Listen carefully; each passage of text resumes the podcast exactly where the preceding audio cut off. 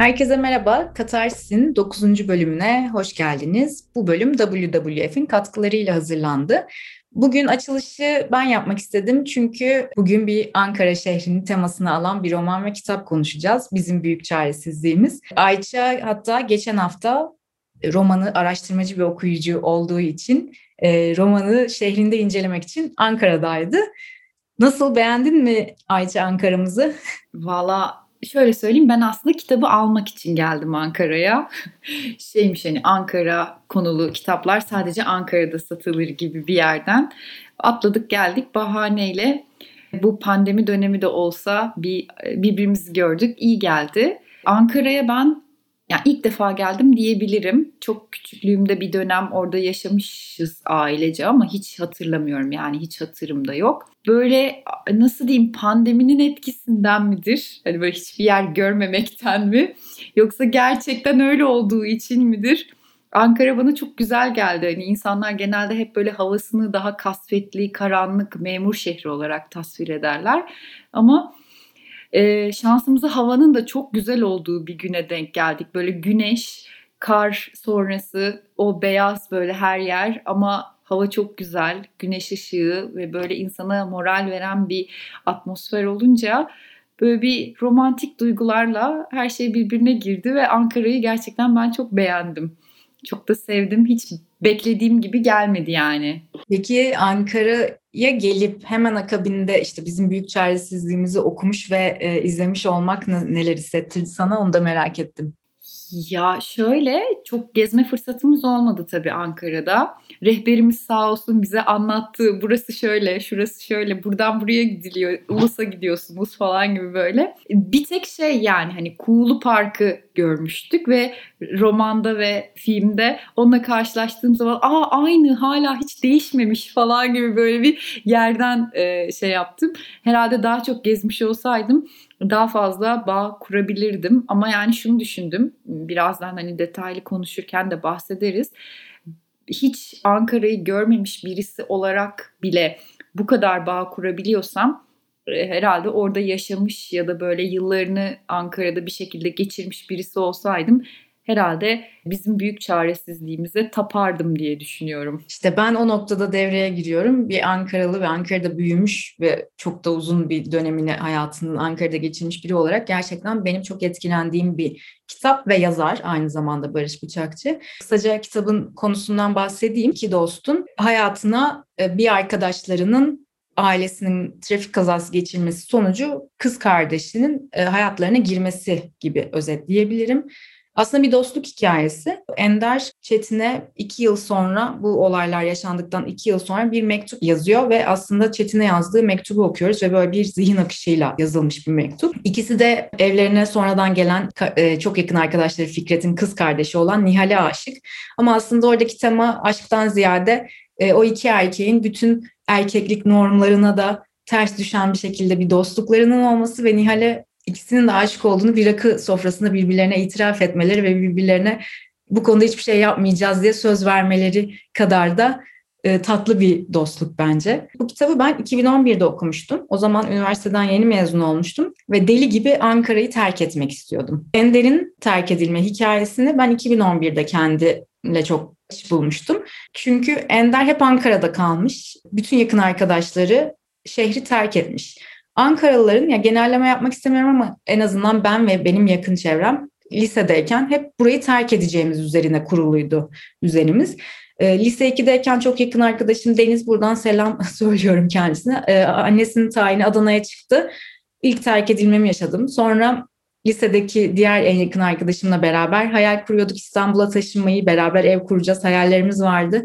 Benim ailem karşı çıktı başka şehirde okumama. Ben de çok asi bir ergen olamadığım için, sözümü söylemekte çok yetkin davranamadığım için Ankara'da kaldım. O zaman ikinci terk edilmişliğimi yaşamıştım. O yüzden böyle Ankara'dan hep gitmek istedim hayatımın uzun bir dönemi. Şimdi o zaman 2011'de okuduğumda üniversiteden yeni mezun olmuştum, işe girmiştim ve gene Ankara'da işe girmiştim ve hala şehirden gitmek istiyordum. Ama şimdi 2021'de okuyorum. 7-8 yılımı İstanbul'da geçmiş ve geri dönmüş bir şekilde okuyunca böyle çok hem Ender'le hem Çetin'le farklı farklı bağlar da kurdum. Bu arada çok da özel hani kişisel anılarıma giriyorum ama bu kitap birazcık bana onu yaptıracak gibi. Zaten artık 9. bölümde biraz da bizi bu açıdan dinleyin bu küçük bir terapi seansına dönmeden. bir araya girip şöyle bir şey söylemek istiyorum. Yani dediğim gibi benim Ankara'yla bir bağım yok ama kitap ve içindeki o hikaye gerçekten onu hissettiriyor insana. Ben de mesela küçük yerde doğdum, büyüdüm. Yani ve hep hayalim oradan gitmek ve hep bir İstanbul imgesi vardı kafamızda. Yani işte üniversiteyi kazanacağız ve o bireyselleşme, o özgürleşme üniversiteyle gelecek ve o, onun gelebilmesi için de bir İstanbul'a gitme dürtüsü vardı. E, dolayısıyla hani şey hikaye seni o kadar çok içine alıyor ve o kadar kendinle özdeşleştirebileceğin anlar sana sunuyor ki bunun için illa Ankara'da yaşıyor olmana gerek yok. Yani herhangi bir yerde yaşayan insanlar da eminim ki o lise çağlarında o dostlukla işte bir kurulan hayallerle birlikte gidelim, aynı şehri kazanalım, kendi evimizde yaşayalım, e, üniversitede istediğimiz gibi yiyelim, içelim, gezelim, tozalım duygusunu mutlaka herkes bence yaşamıştır bizim yaş grubumuzda diye düşünüyorum özellikle. Evet bence de. Bir de sonunda sadece bu kitapta yani Ankara olması ve benim oradan bağ kurmamın sebebi Çetin'in de geri dönmesi. Yani aslında kendini evinde güvende hissettiğin yer benim için en azından öyle işledi. Bu Ankara biraz melankolik bir şehir. Sen de dedin ya hani herkes söyler gridir, kasvetlidir diye. Mesela ben ondan etkileniyorum. O insanların içe dönük oluşundan etkileniyorum. Çünkü yaşadığın şehir e, mekan bence bireyin üzerinde etki bırakıyor.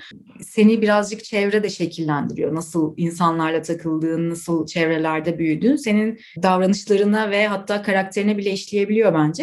Yani ben o Ankara'nın melankolisini seviyorum. İstanbul çok büyük bir rüyaydı. Ama gittiğimde mesela o büyük binalar, o kalabalık çok klişe ama trafiği iki saat yolda geçen zaman ve mesela ben içinde e, kayboldum, tutunamadım. O yüzden de Çetin'in tekrar işte yurt dışında yaşaması, sonra İstanbul'a gitmesi ve en sonunda Ankara'ya dönmesi benim şimdi 10 yıl sonra kitapta okuduğumda onunla bağ kurmamı kuvvetlendirdi. Hatta kitabın sonunda şey hayalleri başlıyor işte bu yaşlılık ütopyası.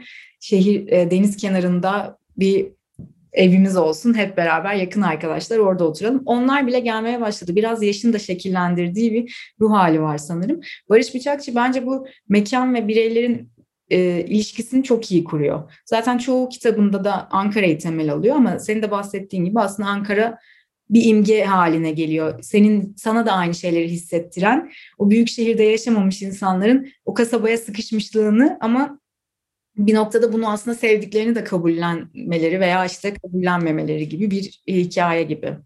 Yaşla ilgili söylediğin şey o kadar doğru ki ben de şöyle söyleyeyim. Ee, ben filmi 2011'de ilk çıktığında izledim ve 2011'de yani yanlış hatırlamıyorsam üniversite son sınıftaydım ya da mezun olmuştum yani. O tam o son sınıf evresi.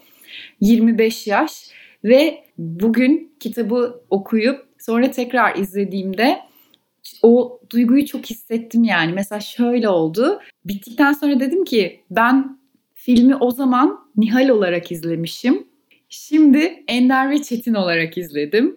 O kadar farklı duygular hissettim ki bu izleyişimde o zaman izlediğimde daha böyle şey gelmişti. Hani hakikaten bittikten sonra Nihal gibi atlayıp böyle yurt dışına gitmiş ve bir daha belki de hiç takmamıştım arkamda olanları, bitenleri bir daha hani böyle bir ayda yılda bir mektup yazıp ben sizi çok özledim diyebileceğim bir ortam hani aklıma geldikçe yani güzel filmdi ya falan diyebileceğim bir hissiyatla izlemiştim. Bittikten sonra film bittikten sonra da kitap bittikten sonra da üzerimde kalan hissiyat çok benzerdi. Yani hiç böyle şey yaşamadım ay olmamış ne biçim uyarlama bu ya da ay filmi daha iyi, ay kitabı daha iyi gibi bir şey olmadı.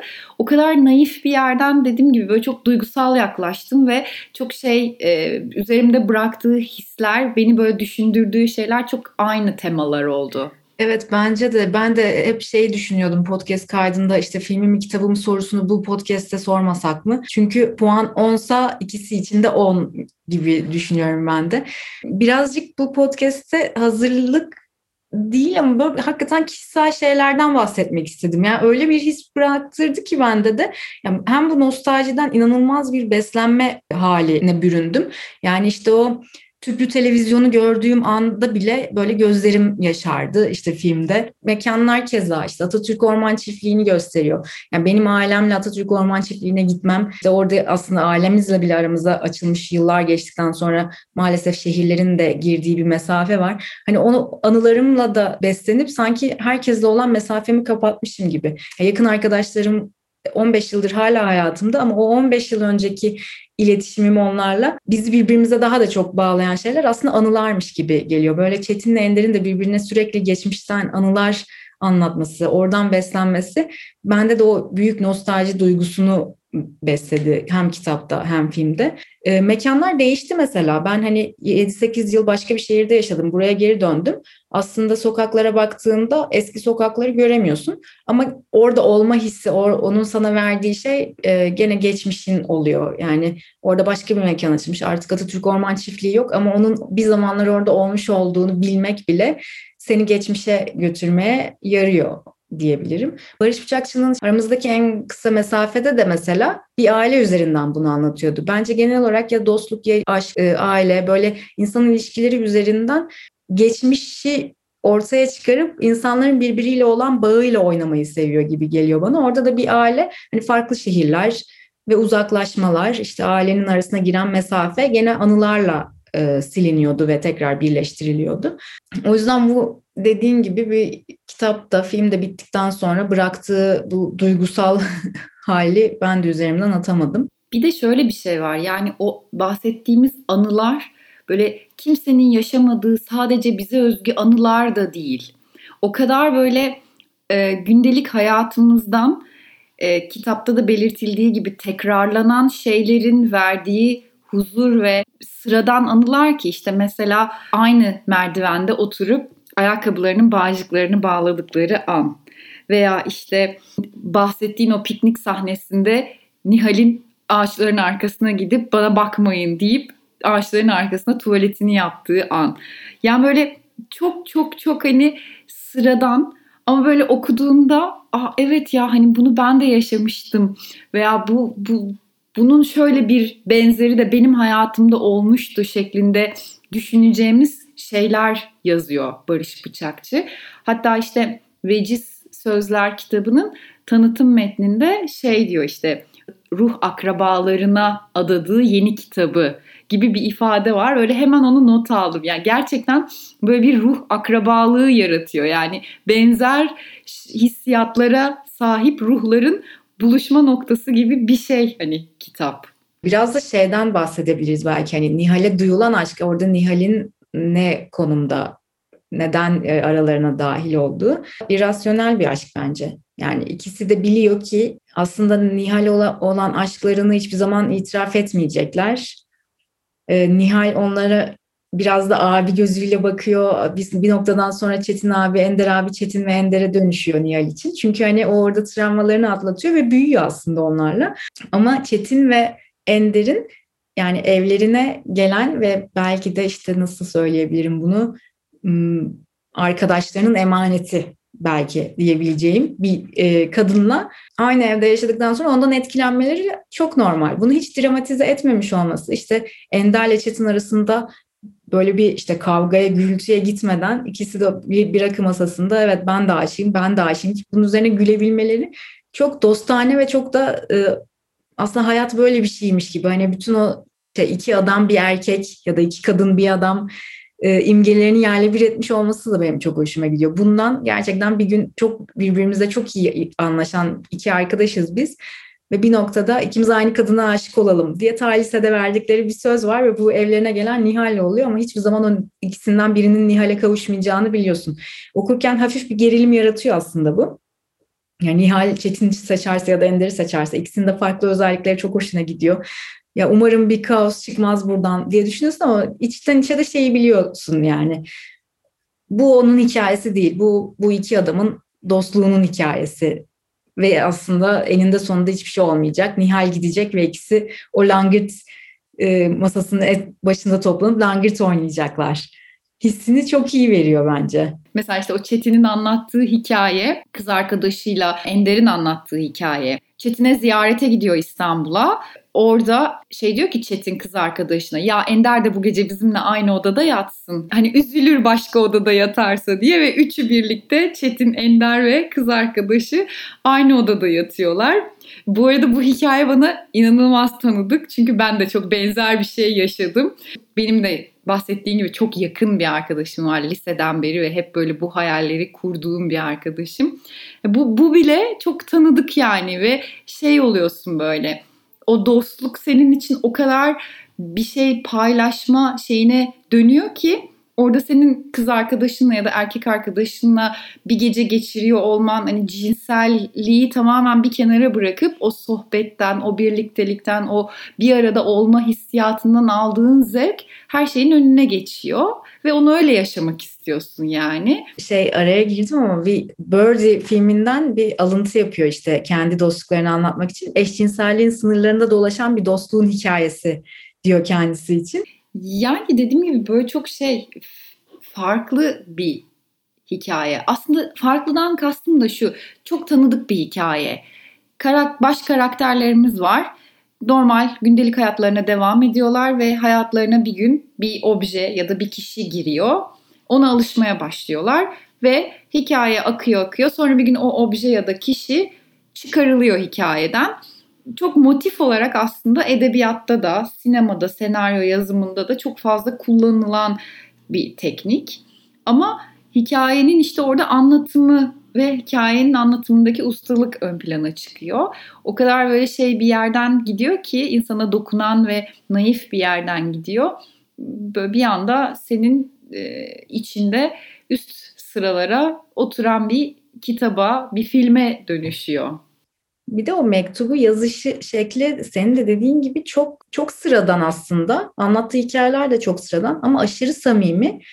Ee, ya gene ben böyle memleketçilik yapmış olmak istemiyorum ama bir böyle Ankaralı mı o, o zaman anladım bak Ankaralı samimiyeti var bunda dediğimiz bir e, insan tipidir Ankaralılar. Bu tamamen memleketçilik tabii yani ama bu yapmayı hiç istemediğim şey ama Barış Bıçakçı bunun neresinde? Bu yani evet kendi fikirlerini koyuyor zaten kitabında ortaya ama karakterlerden bir, birisi ya da karakterlerin hepsinden farklı farklı bir şeyler yazarın içinde toplanmış gibi. O yüzden sanki Barış Bıçakçı'yı okuyor olmak hakikaten onun karakterini okuyormuş olmak gibi hissediyorum. Aslında tabii ki yani yazara böyle bir yük koymamak lazım ama o samimi dilden geçiyor bence. Bu arada kitabın içinde de biraz böyle yazarların nasıl olması gerektiğiyle ilgili söylemleri var. Yani ben çok okuyorum o yüzden yazmayı hiç istemedim diyor mesela Ender. İşte ya da bir yazarın işte büyük büyük hikayeler mi anlatması lazım diyor. Yani orada kendi yazarlık tecrübelerinden de bilgiler içeren şeyler var bence.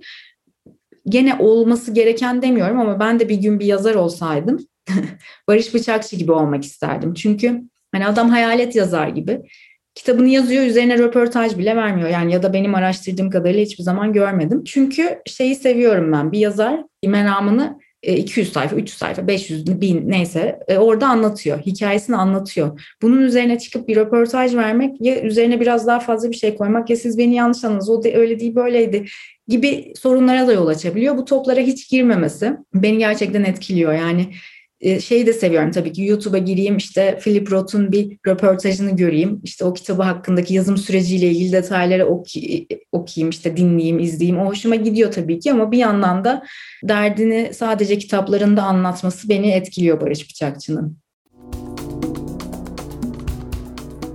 Gezegenimizin en acil krizleri arasında küresel iklim değişikliği ve doğal kaynakların sürdürülemez tüketimi yer alıyor. Bir doğal afet filminin içinde gibiyiz ve hemen harekete geçmezsek çok geç olacak. Peki ne giydiğini seçerek bir şeyleri değiştirebilir misin?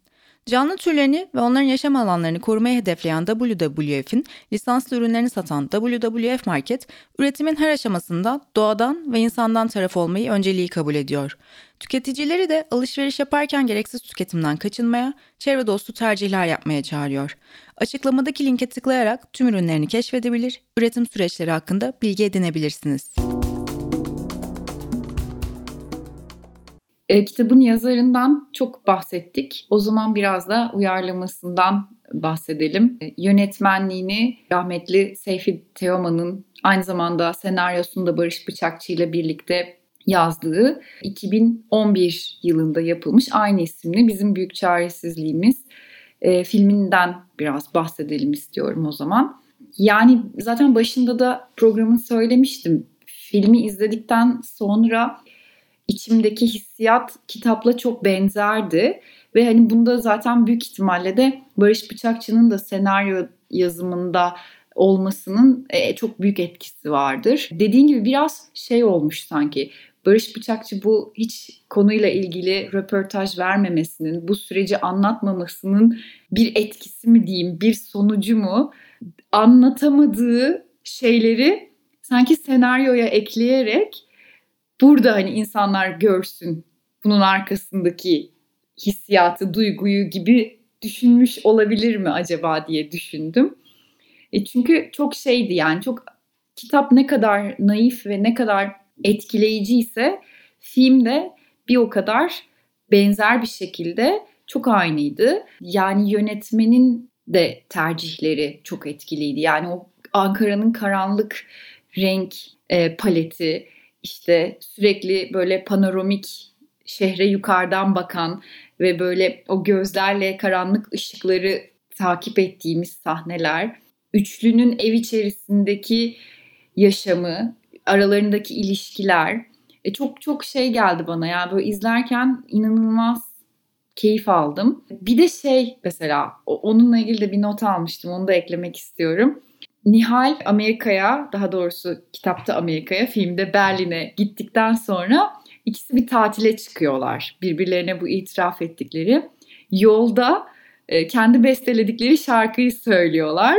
Genelde böyle şey olur. Filmde kitapta olan şeyler olmadığı için tamamen yani kitaptaki o detayları alamadıkları için böyle hep şey acaba kitapta bu nasıldı gibi bir hissiyat olur. Burada tam tersi oluyor. Kitapta işte diyor ki seninle diyor yolda diyor kendi bestelediğimiz itin olayım kaptan abi şarkısını söyledik diyor. Ben mesela bunu okurken nasıl bir şarkı acaba diye merak ettim. Enteresan bir ismi var çünkü. Filmde bunu bayağı söylüyorlar o nasıl bir şarkı olduğunu eğlenceli bir şekilde. O, o, o sahne mesela o nüans çok hoşuma gitmişti. E, dediğim gibi bunlarda da muhtemelen yani Barış Bıçakçı etkisi e, bu, burada bu şekilde kendini gösteriyor gibi hissettim. Ben de o sahneden çok keyif almıştım. De dediğin gibi Ankara'yı hep böyle uzaktan işte bol bol manzarasını vermiş ama evlerin içini de öyle yapmış. Mesela e, şey meşhurdur Ankara'da girersin kapıdan işte antrede e, duvar baştan sona ahşaptır. Yani evlerinin e, o portmantosu bile öyle ahşap şekilde yapılmış. İşte balkon sahnesi zaten koymuş. Bu arada Ender ve Çetin'in mutfakta tamamen sessiz bir şekilde durdukları ve arkadan balkon kapısı açık. İşte çocuk sesleri geliyor. O ses kullanımı çok iyiydi çünkü kitapta çok iyi bir şeye hizmet ediyor. İşte zaten aslında bizim büyük çaresizliğimiz o çocukların sesine sesimizin karışmamasıydı gibi bir şey söylüyordu kitapta. Hani onun ses kullanımıyla da bence çok iyi vermiş. Bu arada Kasvetli Ankara bir yandan da hafif bir sepya tonu da vardı gibi geldi bana. Yani kasveti kıran bir havası da vardı. Normalde daha da kasvetli bir yer bence çünkü. Belki de onların o dostluğuyla daha tatlı gelmiştir bana da. Kast bence çok başarılıydı. Yani böyle o Çetin'in naif, hafif şapşal tavrı, Ender'in biraz daha entelektüel ama yine gizli planda bir şapşallığı e, çok hani İlker Aksum, Fatih Al doğru kast seçimleri geldi. Ki kitapta daha farklı biri kel, biri göbekli olarak tasvir ediliyor olmasına rağmen o ikilik, o farklılık hiç göze batmadı en azından benim için. Yani insan böyle izlerken bir yandan da yani Seyfi Teoman'ı başına geleni bildikçe üzülüyor. Keşke böyle olmasaydı ve daha fazla film izleyebilseydik kendisinden. Film bu arada 2011 yılında 61. Berlin Film Festivali'nde ana yarışmada yarışmış ve Aşkar Fahradi'nin Bir Ayrılık filminin ödül aldığı sene o listede yer alan bir yapım. Çok hani dramatik ve üzücü. Bunu da dediğim gibi bilerek izlediğinde o hissiyat da insana daha böyle şey hissettiriyor kendisini. Daha kasvetli, daha üzü, üzülüyorsun yani. Evet. Ee, o zaman bu bölümdeki aslında sorumuzu ilk defa sormayacağız gibi düşünüyorum. Yani kitap veya film diye bir karşılaştırma ya- yapmayacağız gibi. Çünkü farklı farklı çok doygun tatlar aldık gibi düşünüyorum kitaptan da filmden de. Evet aslında şöyle bir şey söyleyebilirim. Yani kitabı mı filmi mi diye sorarsanız cevabım ne kadar zamanın var?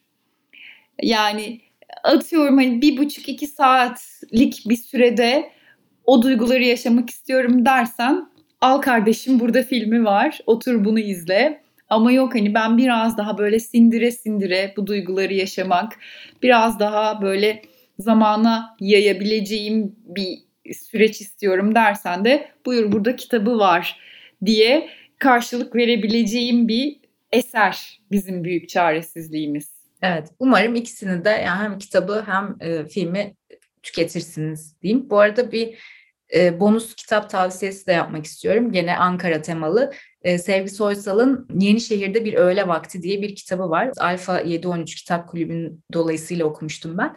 O da gerçekten e, eski Ankara'yı, mahalle hikayelerini çok iyi anlatan bir kitap.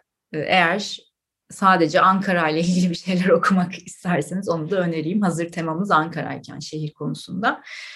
E, bu arada 10. bölümle ilgili bir sürprizimiz olacak. Onun da buradan müjdesini verelim. Biraz her zaman yaptığımız formatın dışında farklı e, konuğumuz olacak ve enteresan bir yayın olacağını şimdiden söyleyip birazcık merak uyandıralım. Takipte kalın diyoruz. Tahminleriniz varsa Film Lovers'ın paylaştığı e, Instagram postunun altına tahminlerinizi yazın. Bakalım biz buraya kadar kimler dinliyor diye de bir biraz fantastik bir e, yayın olacak. Öyle bir ipucu vereyim. Konuğumuz olacak. Bayağı nerd, işinin ehli bir nerd konuğumuz olacak. E, tahminlerinizi bekliyoruz. Bizi dinlediğiniz için teşekkür ederiz. Bir sonraki yayında görüşmek üzere.